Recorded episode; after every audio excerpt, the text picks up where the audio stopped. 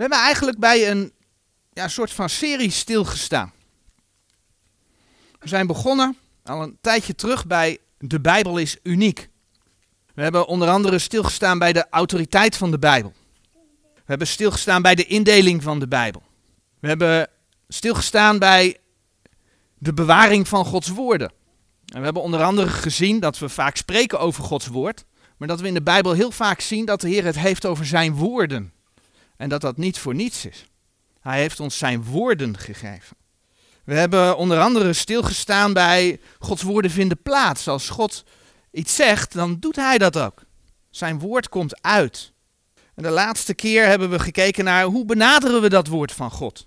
Niet als het woord van mensen, maar gelijk het waarlijk is, zo zegt dat woord, als Gods woord. De Bijbel hoort onze toetssteen te zijn. We moeten ja, proberen om zonder vooroordelen. Vaak hebben we, hebben we ook, ook een stukje geschiedenis, maar eigenlijk moeten we met, proberen om zonder vooroordelen naar die woorden van de Heer te kijken. En dan aannemen wat Hij zegt. We moeten de Bijbel niet aanpassen aan onze gedachten, maar we moeten onze gedachten aanpassen aan wat de Heer zegt. Allemaal dingen waar we bij stil hebben gestaan. Omdat, zegt de Heer in zijn woord, zijn woord is niet van eigen uitlegging. Dus we moeten er niet zelf iets van gaan maken. En daarom is het ook belangrijk dat we de Bijbel zoveel mogelijk letterlijk lezen. De Heer legt zelf uit in zijn woord wat iets betekent. En ehm, door schrift met schrift te vergelijken, door het dan letterlijk te lezen, kom je erachter wat de Heer zegt. En er zijn plekken, denk aan de gelijkenissen, waar de Heer zegt, en dit betekent dit. Maar dan legt de Heer eigenlijk daarmee ook alweer een betekenis in de schrift. Dat, dat kun je niet zelf uh, dan gaan vormgeven en inleggen. De Heer laat zien wat het betekent. En alleen als je je daaraan vasthoudt, dan ben je dus niet zelf de autoriteit over de schrift. Dan ga je niet zeggen van ja, ik lees dit hier, maar wat daar staat, dat moet je eigenlijk anders lezen. Dat betekent dit. Nee, door de schrift zichzelf uit te leggen, kan de Heer door zijn woorden de autoriteit in, zijn, in je leven zijn. Nou, heel belangrijk in het benaderen van Gods woorden, hebben we dus gezien, is om het letterlijk te nemen. En een hulpmiddel daarbij is ook iets wat de schrift zelf zegt. Daar hebben we het vaker over gehad. Maar ik ga daar vanmorgen toch het een en ander nog over vertellen. Ter herhaling, en voor sommigen is het misschien nieuw, is dat we dat woord recht moeten snijden. We moeten het woord, de King James zegt dan, recht verdelen. En de tekst waar we dat vinden is 2 Timotheus 2 vers 15. 2 Timotheus 2 vers 15 en die zoeken we even op. 2 Timotheus 2 vers 15. Benaarstig u om uzelf goden beproefd voor te stellen, een arbeider die niet beschaamd wordt, die het woord der waarheid recht snijdt. Dat is eigenlijk de opdracht die we hebben. Maar waarom is dat dan belangrijk? Het is belangrijk omdat je dan gaat zien dat je, als je de Bijbel leest, dat je niet alles maar klakkeloos op jezelf moet gaan toepassen. Dat je dat niet kunt toepassen klakkeloos op jezelf. Ja, het hele woord van God is gegeven tot lering. Dat lezen we ook in 2 Timotheus 3, vers 16. Al de schrift is van God ingegeven en is nuttig tot lering. Dus niet een stukje eruit, nee, al de schrift is nuttig tot lering, door God ingegeven. Tot wederlegging, tot verbetering, tot onderwijzing die in de rechtvaardigheid is. Maar dat betekent niet dat elke tekst letterlijk leerstellig van toepassing is ja, op jou als lid van de gemeente van Jezus Christus. En doe je dat wel, alle teksten leerstellig, leerstellig op jezelf toepassen, dan kom je hoe dan ook beschaamd uit. Want dat zit ook in die belofte van 2 Timotheus 2 vers 15. Als je recht snijdt, kom je niet beschaamd uit. Dus ga je alles op jezelf betrekken, dan kom je beschaamd uit. Waarom? Omdat dan op een gegeven moment blijkt dat de waarheid anders is. Dus als je Gods woord recht snijdt, heb je de belofte, dan zul je niet beschaamd uitkomen. Nou, een voorbeeld waaruit heel duidelijk blijkt dat er een verschil is tussen bijvoorbeeld de periode van de wet, ongeveer hier op de tijdlijn, en de gemeentetijd waar wij in leven, vinden we in de spijswetten die Israël ontving. Israël had hele strikte uh, wetten van wat men wel en wat men niet mocht eten. De Heer spreekt over reine en onreine dieren. En een voorbeeld daarvan vinden we in Leviticus 11. Leviticus 11 en dan lezen we vanaf vers 44. Leviticus 11 vanaf vers 7, 44, sorry. Want ik ben de Heer uw God. Daarom zult gij u heiligen en heilig zijn, terwijl ik heilig ben. En gij zult uw ziel niet verontreinigen aan enig kruipend gedierte dat zich op aarde roeit. Want ik ben de Heere die u uit Egypteland doe optrekken, opdat ik u tot een God zij, en opdat gij heilig zijt, terwijl ik heilig ben. Dit is de wet van de beesten en van het gevogelte en van alle levende ziel die zich roert in de wateren en van alle ziel die kruipt op de aarde. Om te onderscheiden tussen het onreine en tussen het reine. En tussen het gedierte dat men eten en tussen het gedierte dat men niet eten zal. Nou, als men dan toch iets at wat volgens de Heer onrein was, dan lees je bijvoorbeeld in Deuteronomium 14 vers 3 dat dat de Heer een gruwel was. Als je dat wil opzoeken, Deuteronomium 14, vers 3. En als je dan bedenkt dat Paulus zelfs in de brieven aan de gemeente laat zien dat het er bij het houden van de wet op aankwam dat je ook de hele wet moest houden, Galaten 3, vers 10 bijvoorbeeld, dan lees je daaruit dat onder de wet werken een rol speelde in het behoud. En een, een mooie tekst die daar ook op wijst, een verschil tussen de wet en de gemeente, vinden we in Ezekiel 18. Ezekiel 18, vers 24. Als gelovige in Jezus Christus mag je weten behouden te zijn. Het behoud ligt niet in de werken. Dus als ik een fout bega, mag ik dat beleiden. Maar sterker nog, al zou ik fouten begaan en het niet beleiden, ik ben wel behouden. Dat is een zekerheid die je hebt als, als gelovige van Jezus Christus. Maar dan moet je kijken wat er in de wet geschreven staat. Ezekiel 18, vers 24. Maar als de rechtvaardige zich afkeert van zijn gerechtigheid en onrecht doet, doende naar al de gruwelen die de goddeloze doet, zou die leven, al zijn gerechtigheden die hij gedaan heeft, zullen niet gedacht worden. In zijn overtreding, waardoor hij overtreden heeft, en in zijn zonde die hij gezondigd heeft, in die zal hij sterven. Dat is een heel duidelijk verschil tussen de wet en de gemeente. Als je rechtvaardig geleefd heeft, maar je zondigt en je sterft daarin, dan sterf je in je zonde.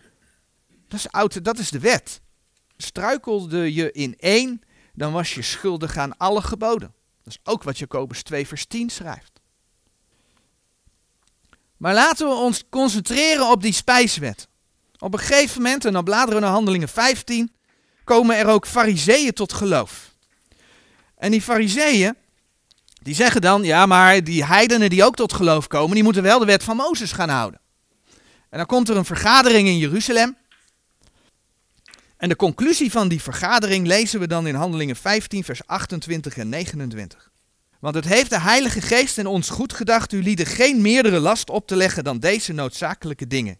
Namelijk dat gij u onthoudt van hetgeen de afgoden geofferd is, en van bloed, en van het verstikte en van hoererij. Van welke dingen, indien gij u zelf verwacht, zo zult gij wel doen, vaart wel. En dan staat hier dus niet dat je door die dingen te doen, door daar rekening mee te houden, dat je daardoor behouden wordt. Dat staat er niet. Nee, er staat dat je daardoor wel doet, als je daar rekening mee houdt. Maar hieruit blijkt dus dat de gemeente gevraagd wordt om zich aan deze dingen te houden en niet de wet van Mozes. Dus die spijswetten zijn niet voor de gemeente.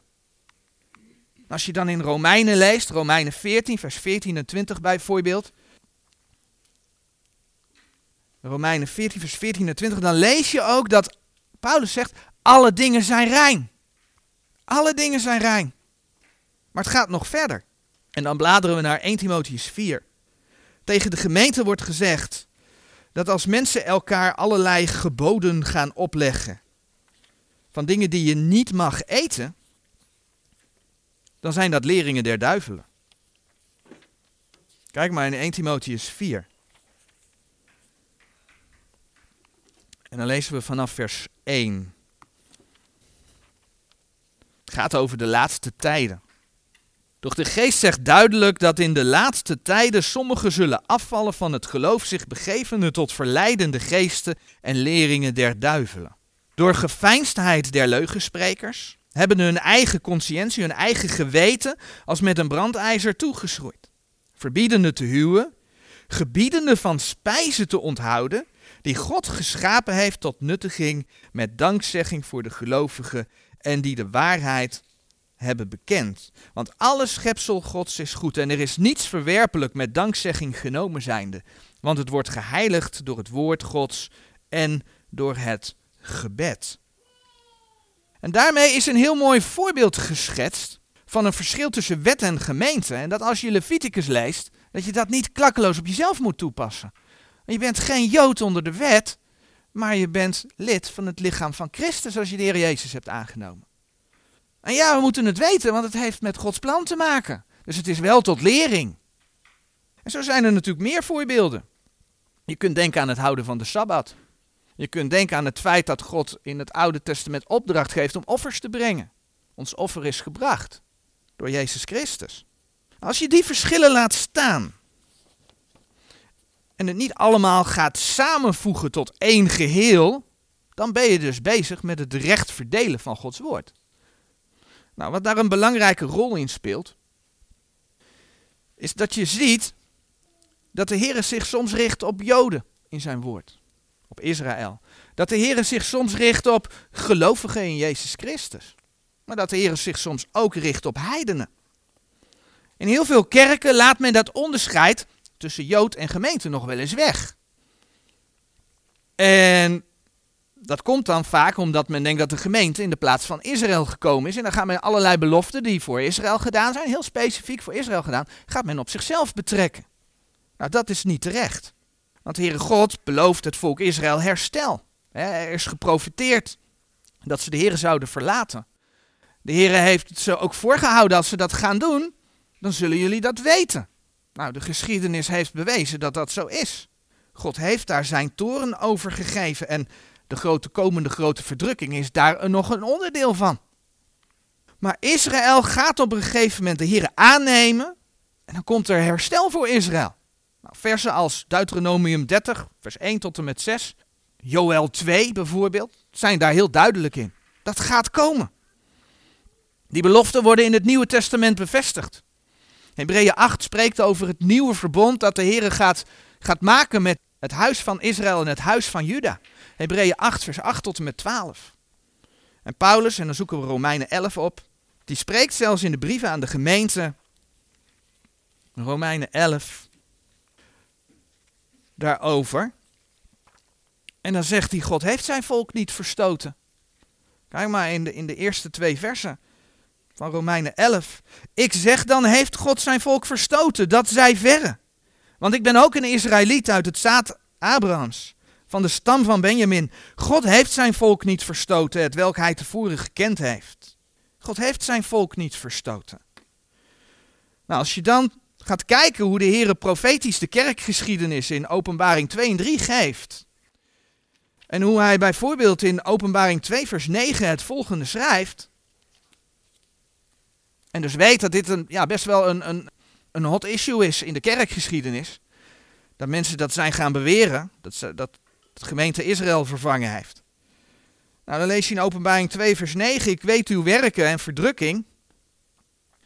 Ik weet uw werken en verdrukking en armoede, doch gij zijt rijk. En de lastering dergenen die zeggen dat zij Joden zijn, die zeggen dat zij Joden zijn en zijn het niet.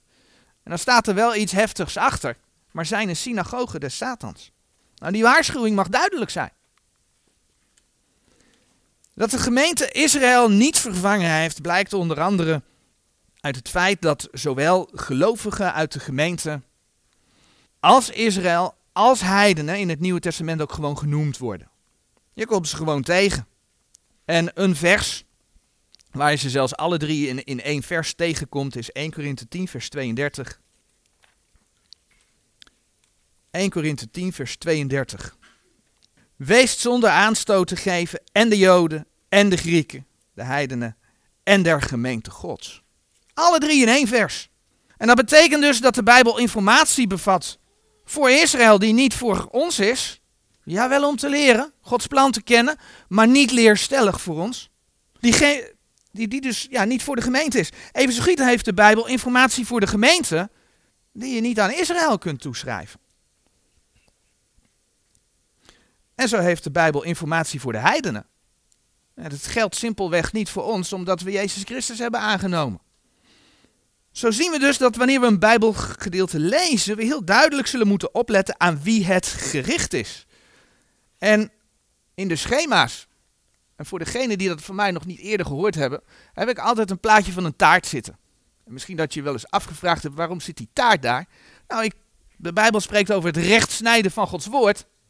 Als jij een taart snijdt, dan geef je dat stukje aan iemand voor wie het is. Gewoon een simpel alledaags voorbeeld. Recht snijden.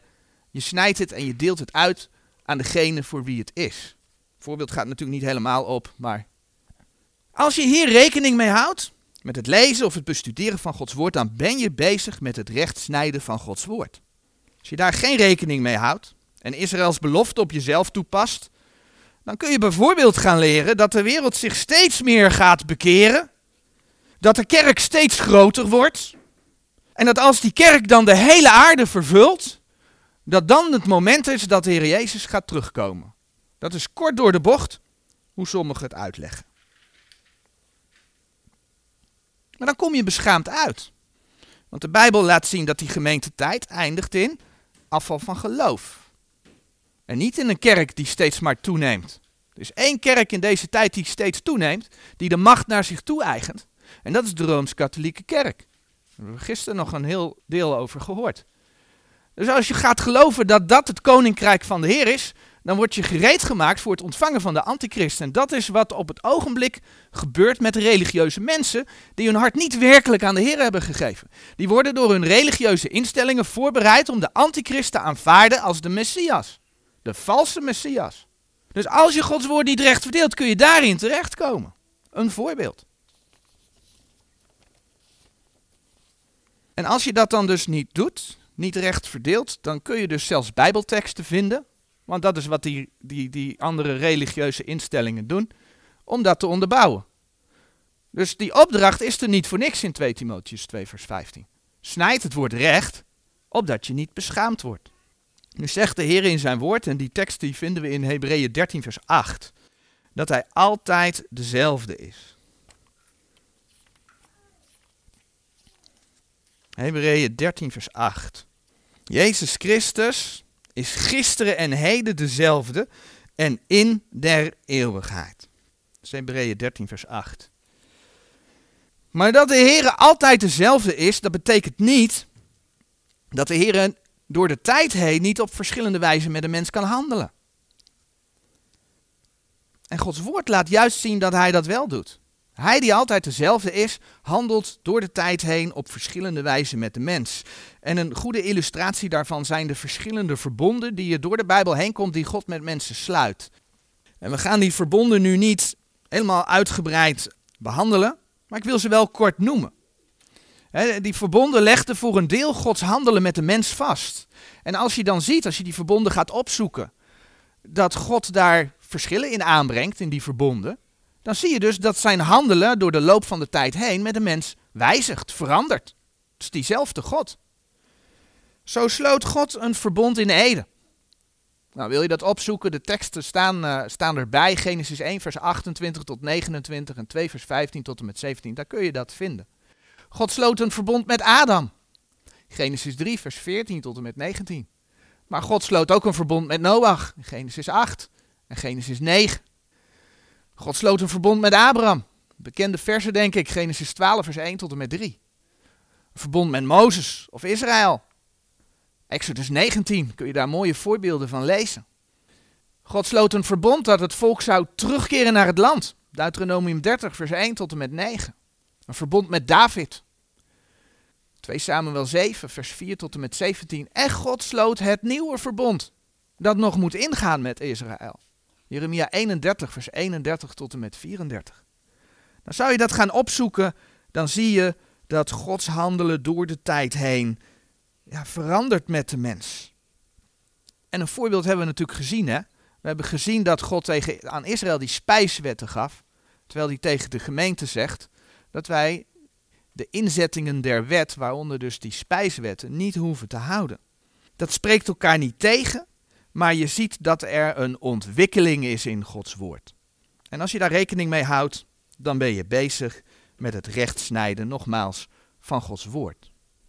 Als je dat doet, krijg je zicht op Gods woorden, krijg je zicht op Gods plan, zul je niet beschaamd uitkomen. Nou, een volgende keer dat we met deze serie verder gaan, willen we een aantal verschillen benoemen. Wat zijn dan, ik heb natuurlijk een paar voorbeelden gegeven, maar ik wil nog een aantal verschillen benoemen van waar dat zich in uit. Waar je ziet dat vaak kerken dat op één grote hoop gooien, in één pan stoppen, doorroeren, één grote soep van maken. Terwijl als je de verschillen laat staan, dan zie je opeens dat dat past in Gods plan. Maar ook wil ik een Bijbelgedeelte opzoeken waarin je ziet dat, je, dat het niet alleen om gaat om die lijn te kennen van schepping tot nieuwe hemel en nieuwe aarde, maar dat je dat kunt toepassen op de tekst die je leest. Er zijn mooie gedeeltes in Gods woord waar je gewoon ziet, het ene vers gaat over de grote verdrukking en het andere vers gaat over het duizendjarig vrederijk. En soms is het een komma midden in een vers dat duizend jaar verschil uitmaakt. Of 2000 jaar verschil uitmaakt. Maar dat is dus voor een volgende keer. En dan willen we het voor vandaag hierbij laten. Amen.